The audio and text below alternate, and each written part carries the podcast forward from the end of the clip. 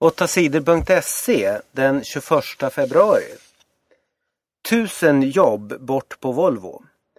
Företaget Volvo PV säljer färre personbilar än väntat. Nu måste Volvo spara en och en halv miljarder kronor. Tusen anställda måste sluta. Det sa Volvos chef Håkan Samuelsson på onsdagen. Det är inte arbetare som tillverkar bilar som måste sluta utan de som arbetar på Volvos kontor. Samtidigt ska Volvo satsa på en ny avdelning för forskning. Där ska 200 personer arbeta med att hitta på nya bilmodeller. First Aid Kit vann musikpriser.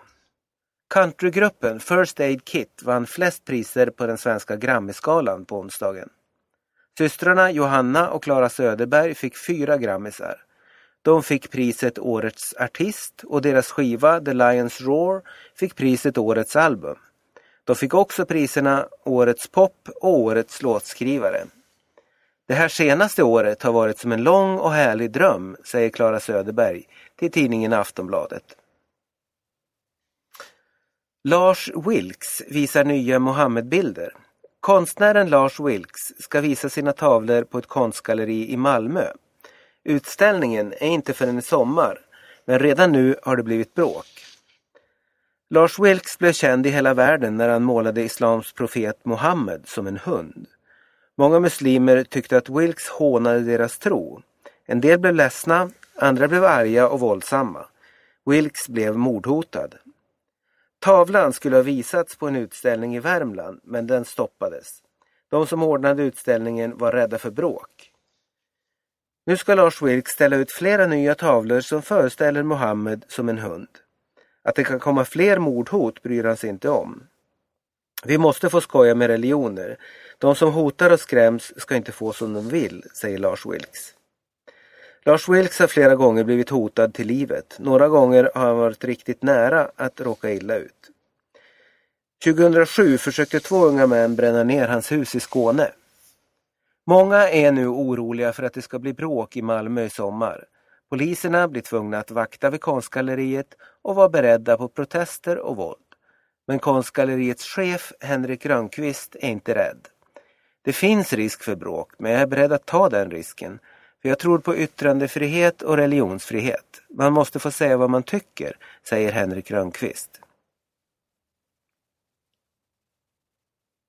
Pensionsåldern kan höjas.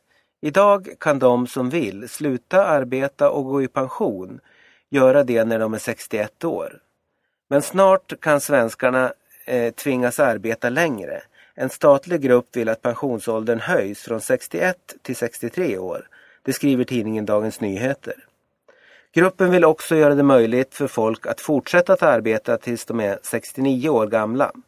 Idag kan arbetsgivare tvinga folk att sluta och gå i pension när de är 67 år. De flesta svenskar arbetar idag tills de är 65 år gamla. Gruppen som undersökt pensionerna ska komma med ett färdigt förslag i vår. Tre indiska flickor våldtagna och mördade. Poliser i Indien har hittat tre små flickor döda i en brunn. De tre flickorna var systrar. De var 6, 9 och 11 år gamla. Flickorna hade blivit våldtagna, dödade och kastade i brunnen. Det säger experter som har undersökt kropparna. Någon hade rövat bort de tre systrarna från deras hem i området Bandara. Vem som rövade bort och dödade barnen vet poliserna inte än. Flera unga kvinnor har blivit våldtagna i Indien de senaste månaderna. En 23-årig kvinna i staden New Delhi våldtogs och misshandlades av sex män i december. Kvinnan dog av sina skador. Det blev stora demonstrationer i hela Indien efter mordet. Massor av indier krävde bättre skydd för kvinnor och hårdare straff för sexbrott. Protester fick Bulgariens ledare att sluta. Bulgariens statsminister Bojko Borisov slutar sitt jobb. De våldsamma protesterna i landet får honom att sluta. Många människor har skadats i bråk med poliserna. Bojko Borisov säger att han inte vill vara ledare för ett land där poliser slår människor. Bulgarien är det fattigaste landet i EU. Människorna har protesterat mot höga priser. Många har svårt att få pengarna att räcka. Det är priset på el som fått de flesta att protestera. Elpriserna har stigit kraftigt de senaste åren.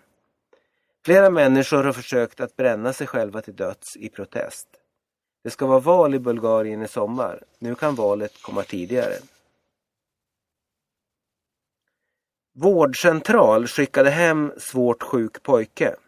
En sexårig pojke i Skåne hade feber och ont i magen. Hans föräldrar åkte med honom till vårdcentralen. En läkare undersökte pojken och tog olika prover för att se vad det var för fel. Läkaren hittade inga allvarliga fel. Föräldrarna fick åka tillbaka hem igen. På kvällen blev pojken sämre. Föräldrarna fick ringa efter en ambulans som körde honom till sjukhuset. Men läkarna kunde inte rädda hans liv. Än vet läkarna inte säkert vad pojken dog av. Föräldrarna säger att de ska anmäla vårdcentralen till hälso och sjukvårdens ansvarsnämnd. De tycker att personalen gjorde fel som skickade hem pojken.